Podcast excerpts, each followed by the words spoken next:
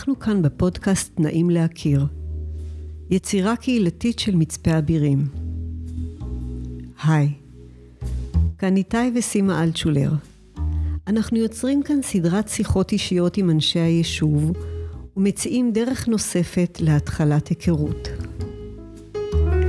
ביישוב קטן כמו זה שבו אנו גרים, אנחנו עוברים האחד ליד השני, מנידים ראש או מברכים לשלום, מחייכים או לא, בכל אופן מתייחסים אל מי שעובר מולנו. פה ושם מדברים מעט בשיחה קצרה על השביל, או בדיון על נושא יישובי שעולה, אבל זה ממש נקודתי. כל אדם שאנו פוגשים בדרך הוא עולם שלם. איך ניתן להכיר את אותם אנשי אבירים ואת אותם העולמות? כאן, באולפן הקטן המאולתר שלנו בבית יונה, נוכל בכל מפגש להציץ מעט אל עולמות מגוונים של אנשי ונשות הקהילה שגרים כאן. זו הזדמנות להכיר באופן נוסף, לתת ולקבל בתוך הקהילה.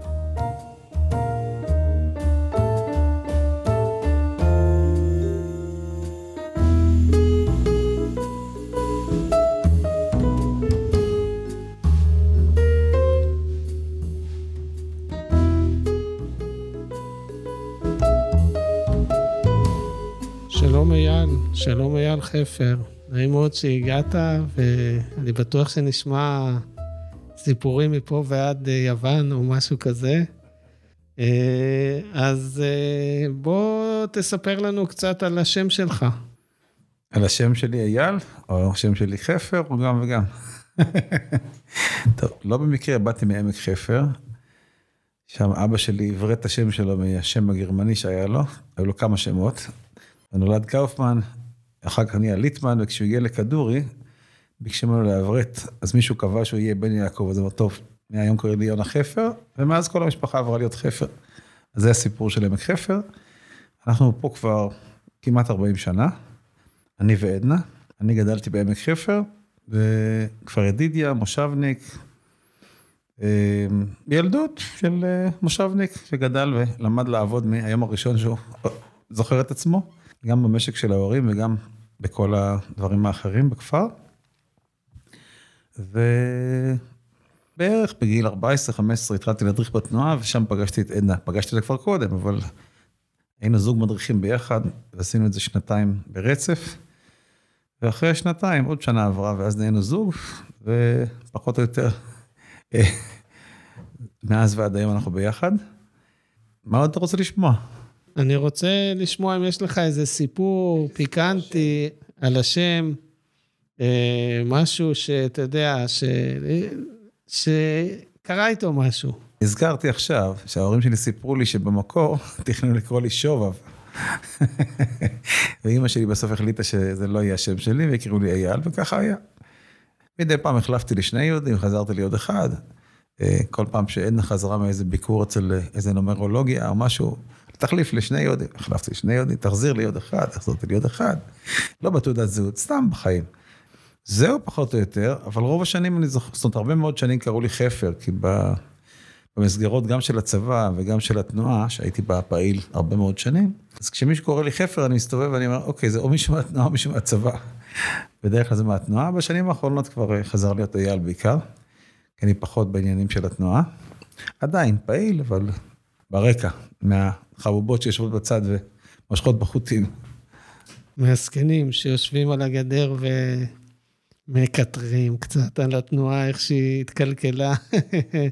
לא בטוח שזה הגישה שלך, אני בטוח שאתה רואה את זה חיובי, את הנוער.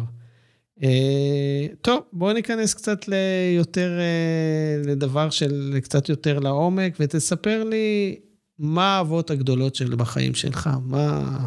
ואנחנו עוד נבחין בין אהבות, סקרנות, אה, אה, ריגוש. עכשיו אנחנו רק באהבות.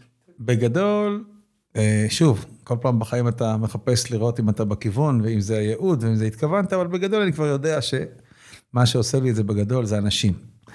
ובכל מיני צורות, בעיקר עבודה עם אנשים, חיבור עם אנשים, להיות שותף בצמיחה של אנשים, בגדילה. אפשר לקרוא לזה חינוך, אפשר לקרוא לזה דברים אחרים, אבל אם תגיד לי, יש בחוץ קבוצה, רוצים לעשות עבודה, שתיים בלילה, אני קופץ מהמיטה ואני בא. אם תגיד לי, יש דברים אחרים, אני אגיד, תבוא בבוקר, כאילו, זה נגיד אה, מדד.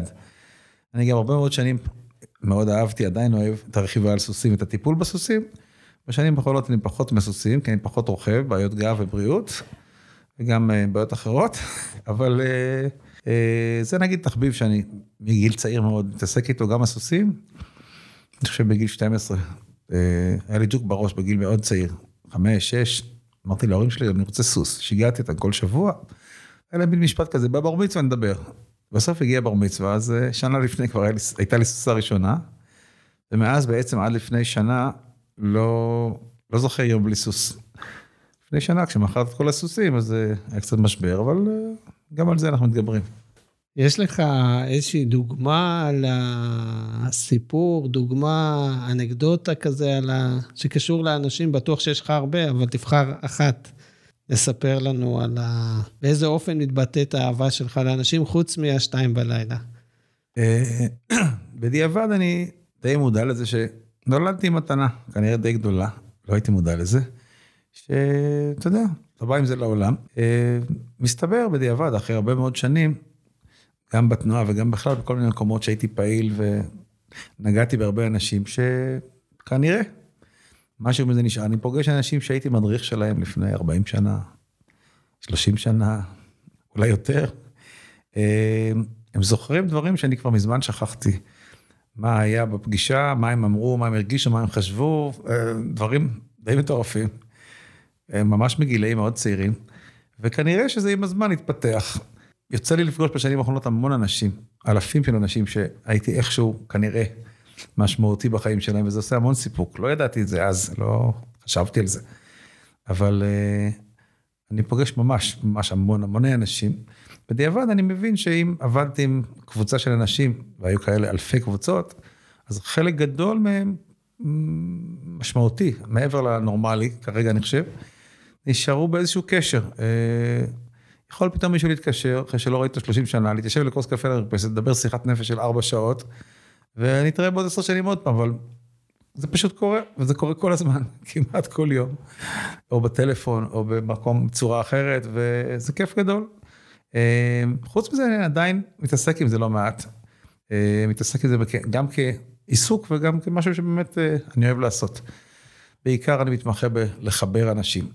לחבר אנשים במובן של לעשות אותם קרובים. במעט מאוד זמן, בכל מיני טכניקות מאוד פשוטות שפיתחתי ב-40-50 שנה האחרונות. אני יודע לעשות בזמן מאוד קצר מין קסם כזה שאנשים כאילו הם כבר ביחד חצי שנה על הפלגה באיזה אונייה, אחרי שעה וחצי. וזה נשאר איתם הרבה זמן. ואני מאוד נהנה מזה, כי זה מרגיש לי דבר נכון לעשות, לקרב, לחבר. זהו. נשמע ממש מסקרן, אתה יכול לתת לנו איזה דוגמה לאיזה טיפ, כלי, משהו קטן כזה, שאנשים באבירים אולי אה, אחרי 30 שנה ירגישו כאילו הם אחרי 80 שנה? תראה, הייתה אמורה להיות, אם לא הייתה קורונה, הייתה איזו סדנה כזאת שהצעתי בזמנו. יש פה בחור צעיר וחמוד בשם ליאור כרם שרצה, רוצה, עושה עדיין. מין כזאת אה, סביב הפאב, איזה פעילות שכל פעם מישהו מעביר. הזמין אותי להעביר סדנה כזו שנקראת אה, חיבור זה הסיפור, לא יצא לפועל, עכשיו זה יתחדש. אם זה יהיה רלוונטי, אני אשמח לעשות את זה. אה, זה מאוד פשוט, אבל המתכון בעצם, לא משנה הטכניקה היא מאוד פשוטה, בסך הכל מדברים. ההבדל הוא שאחרי מעט מאוד זמן, דקות ספורות, מדברים כבר על דברים שלא מדברים על כוס קפה וגם לא מדברים ברגיל, ומדברים רק בהזדמנויות מאוד מסוימות. או עם איזה חבר טוב בשתיים בלילה כזה, או עם חבר של רכבת, שפעם יצא לך פתאום לנסוע, אתה יודע, לא תפגוש אותו אף פעם שוב, אבל אתה יכול אה, לספר. ובגדול, אם אתה מספר למישהו משהו משמעותי על עצמך, משהו שמרגש אותך, אם אתה עושה את זה בחצי דקה, אתה באופן אוטומטי מתקרב לבן אדם שסיפרת לו. אם הוא רק הקשיב, הוא פחות מתקרב. אם הוא גם סיפר על עצמו, אז זה הדדי. וזה בעצם כל הסיפור. אה, פחות חשוב העניינים הטכניים והשמות ומי ומה ומה, אבל אם פתחת את הלב קצת, אה, כל השאר זה, זה רק טכני. כל מה שאנחנו לובשים על עצמנו, הכותרות, הבגדים והמעמד ומה למדתי, זה בעצם לא משמעותי. אם אתה מגיע ללב, והכל נפתח. והסדנה הזו עושה פשוט, אה, מקצר את הטווחים בין שעות וימים לדקות ושניות.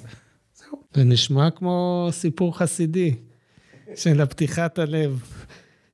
אז אה, אם דיברנו על לבבות ועל קירוב ועל אהבות, בוא תספר לי מה מסקרן אותך. אני מניח שבשביל להיות, אה, ממה שאני מכיר אותך, אתה יודע לעשות המון דברים, ובשביל לדעת אותם צריך גם ללמוד אותם. אז מה, מה מסקרן אותך? מה אתה לומד? מה תחומי הסקרנות שלך? גם מהבחינה הזאת של ללמוד, אני אה, טיפוס אה, עם אה, אפס סבלנות ללימודים פורמליים, ולא הצלחתי אף פעם לעשות תואר בשום דבר. אה, את כל מה שלמדתי, למדתי בעיקר או בסדנאות, או בהתנסות. והדרך הכי טובה ללמוד, אה, שלי לפחות, זה לנסות, עד שלומדים. נכשלים ונכשלים ונכשלים, ועד שמשהו מצליח, אז אתה כבר זוכר אותו לתמיד, זה לא נוסחה, זה שלך. ואני מאוד אוהב, אוהב לעשות דברים בעצמי, גם אם זה יוצא קצת עקום, בסופו של דבר, אה, הסיפוק הגדול של משהו שאתה מגלה או לומד לבד, מאוד גדול, אבל אה, מצד שני זה מעייף, יכול להיות שלא לכל אחד זה פשוט, יותר קל לקחת נוסחה קיימת ולעשות, למה? כי ככה עושים. אה, אני יותר אוהב את הדרך השנייה. בדרך כלל רוב הדברים שאני עושה בנויים על זה, כולל הדברים הטכניים, הפיזיים, כמו הדיר שבניתי לפני 35 שנה, עומד עד היום.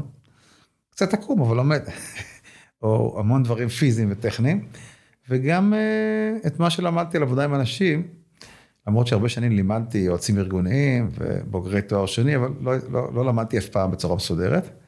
אה, אמרתי, זה מין סוג של מתנה, ויחד עם שיוף חזק בהרבה שעות וימים וחודשים של עבודה, מגיעים לכל מיני אה, דקויות שנשארות לך ב-DNA. אני לא, אני לא צריך לחשוב על זה, זה פשוט ישנו, וקורה, ועובד, וכל זמן שזה עובד, זה כיף. אני מאוד מזדהה עם הלימוד העצמי, כי למעשה כל מה שעשיתי פה עכשיו בבית יונה, עשיתי באותה גישה של אוקיי, אני אעשה לבד, קצת עקום, קצת אה, לא הכי מקצועי, אבל אה, יעבוד וישרת.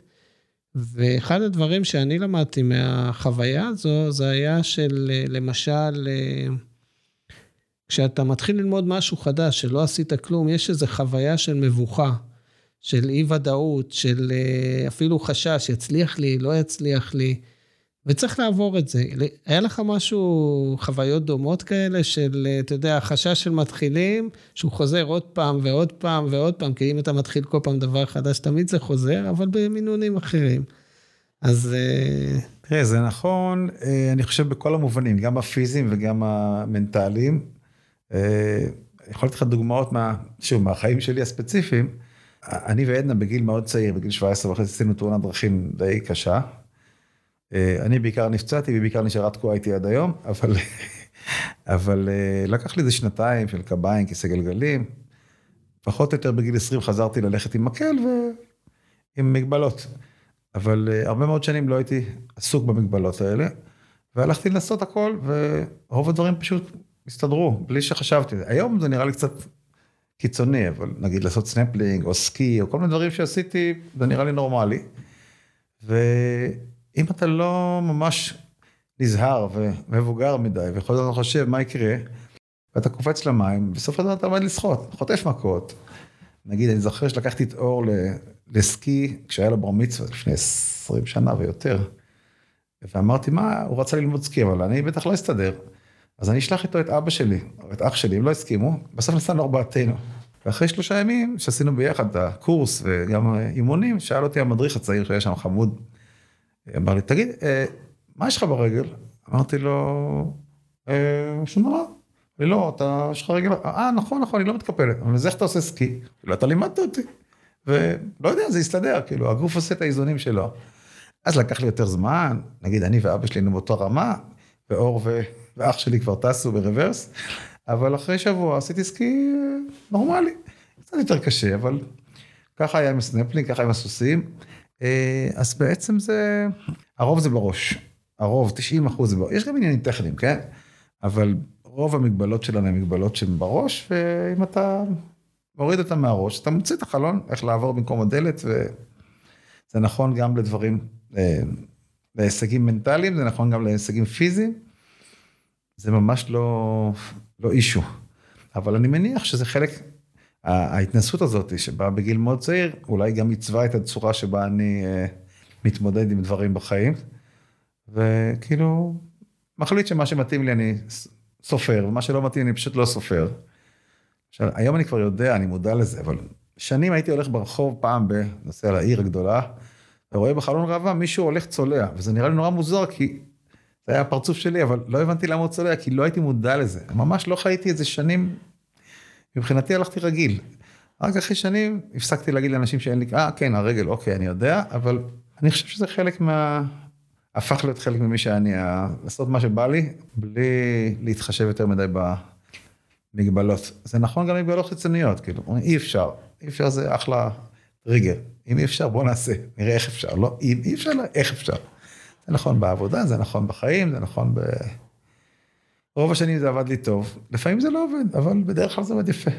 אני חייב להגיד לך שזה ממש מעורר השראה, ממש. אה, בעבודה שלי אני נתקל בלא מעט אנשים שאומרים אי אפשר, אה, ומה שאני מנסה לעזור להם זה להיכנס לגישה הזו, וחלקם באמת מצליחים, וזה מרגש עד דמעות שזה קורה.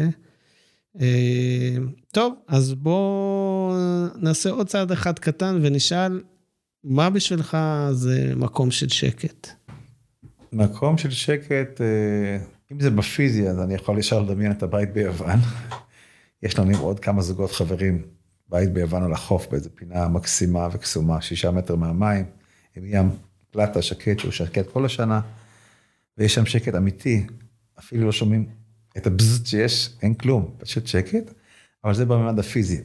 אני שבממד המנטלי, מקום של שקט זה כשאתה מצליח אה, להוציא מהקופסה את הטרדות הקטנות והגדולות, ומביא את עצמך למצב של שקט פנימי. ואז זה לא משנה אם אתה באמצע העיר הסואנת או ברכבת, אתה בשקט, אתה בשקט בפנים, זה, הוא הרבה יותר משמעותי מהשקט החיצוני. אני מוצא שכשאני עובד עם קבוצות, אז uh, בדרך כלל הרבה יותר שקט בתוך ההמולה. יותר קל להתחבא בתוך המערבולת, איכשהו להגיד את זה. Uh, כשאתה, כשבן אדם שהוא לא, אין לו את השקט הפנימי, והוא נמצא למשל במדבר, הוא יכול להיות מאוד ב, באי שקט מה, מהסיטואציה. אם זה מתאים לו, זה עושה לו שקט נהדר, אבל השקט הוא, הוא קודם כל בפנים.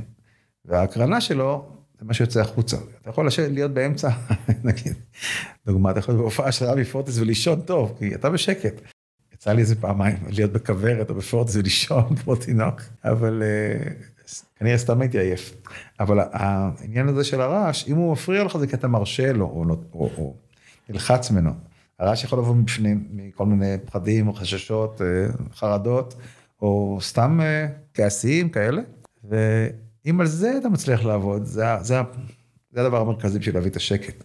מה שמבחוץ זה בעצם ביטוי של מה שיש בפנים, זה לא כל כך חשוב. אוקיי, okay. okay. אז uh, זה הבונוס שמצליחים uh, להירדם ברמי פורטיס. לי היה דבר דומה במיומנה. אני ויאיר היימן עם ליאורה בזמנו נסענו, ובשעה 12 בלילה, מה לי ולשעה הזו? שנינו, שני הגברים ישנים, הבנות מתרגשות, והם מתופפים שם בכל הכוח ואנחנו ישנים, טוב, אז uh, כנראה זה יכולת.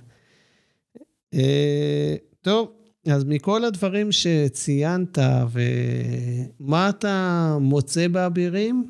או היית רוצה למצוא באבירים, מכל האוסף האבות, סקרנות, שקט, כל הדברים האלה, איפה זה מוצא אותך באבירים אם? תראה, גם אבירים זה מורכב, 40 שנה, דברים משתנים, מתחלפים, אנשים זזים, גדלים, צומחים, אה, קטנים, מזדקנים, כל מיני, כל אחד מהזווית שלו. אה, אנחנו הגענו לפה בגיל מאוד צעיר, למרות שהרגשנו מאוד מבוגרים. היינו בני 23, חצי. התחתנו פה מתחת לעץ האלון הגדול ביער, ובאנו לשים את ה... לשתול את עצמנו באדמה, וככה הרגשנו. אמ, דווקא בשנים האחרונות אנחנו במקום אחר. היו כל מיני אירועים בשנתיים האחרונות שגרמו לנו לשינויים מאוד גדולים, אני מקווה שגם על זה נתגבר בסוף. אבל בעיקר אכזבה מה, מהמקום שאנחנו חיים בתוכו, מהאנשים, מה... חלק מהאנשים. חלק מאוד מסוים, אבל חלק אה, קשוח. וכתפיסה החלטנו שבמקום להילחם על הדברים שאנחנו רגילים להילחם עליהם, פשוט נשחרר, כי אם, אם ברמת השכנים והאנשים ביישוב הגיעו למצבים שכל כך, אה, דברים כאלה קיצוניים, כדי שנסגור את הבסטה, אז, אה, אז כנראה שלא שווה. אה, אז ויתרנו, ויתרנו על הרבה חלומות, וזה קצת מתסכל. היינו צריכים למכור את הסוסים, את, ה... את כל הקמפינג שלנו לסגור, את כל המפעל חיים שהקמנו במשק. השארנו כמה עיזים וזיכרונות, אבל אה, אנחנו כבר במקום אחר, מנסים למצוא דרכים חלופיות, אבל זה משאיר אותנו ב... מבחינה חברתית אנחנו פחות, אה, פחות מחוברים כרגע, והיינו מאוד מחוברים. מאוד מחוברים, מאוד פעילים, אנחנו כרגע בסוג של... אה, אנחנו, כל אחד, זה החלטה שלו, אבל לקחנו צעד לאחור ויותר התכנסנו, ועסוקים יותר בחיים הפרטיים שלנו ובאנשים שכיף לנו איתם, אבל זה כבר לא...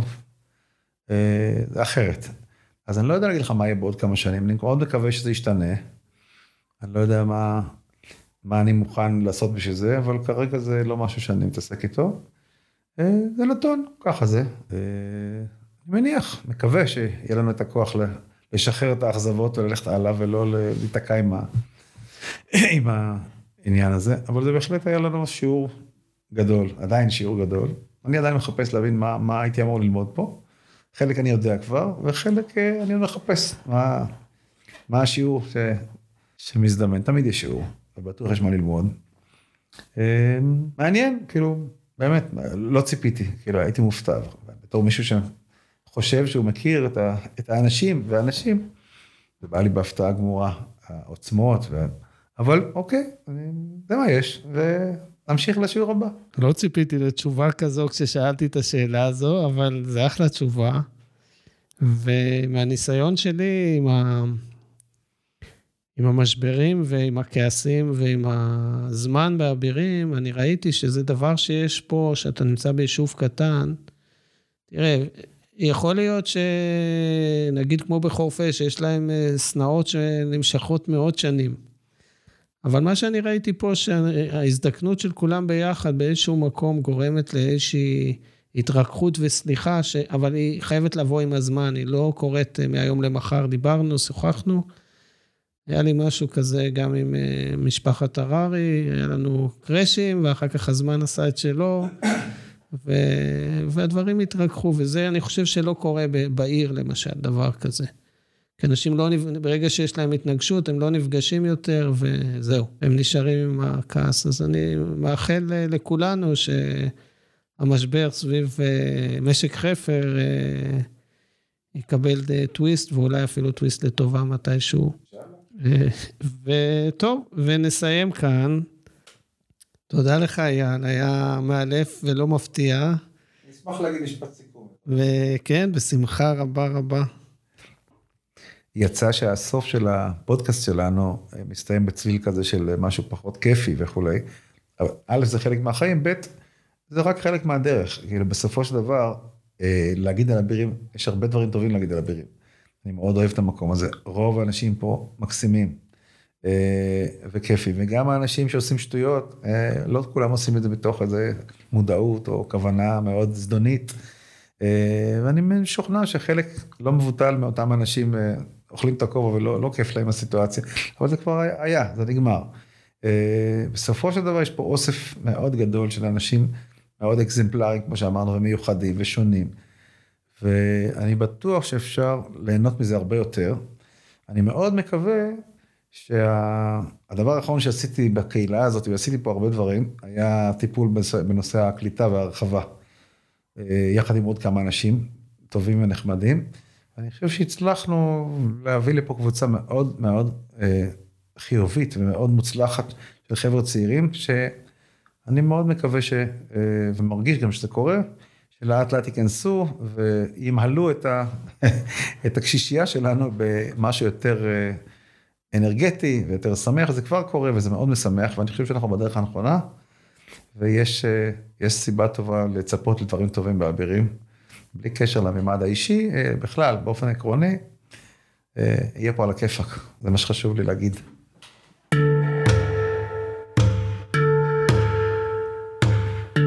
תודה רבה, אייל, והיה כיף, ואני שמח שהשיחה הזו נגמרה באקורד אה, חיובי ואופטימי. תודה שהאזנתם למפגש אינטימי נוסף בפודקאסט. תודה רבה, איתי.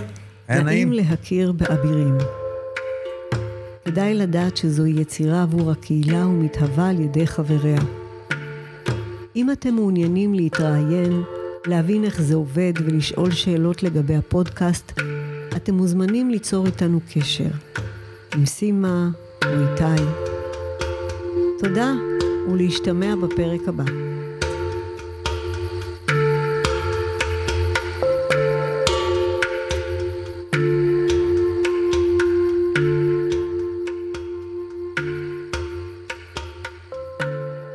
מקסים.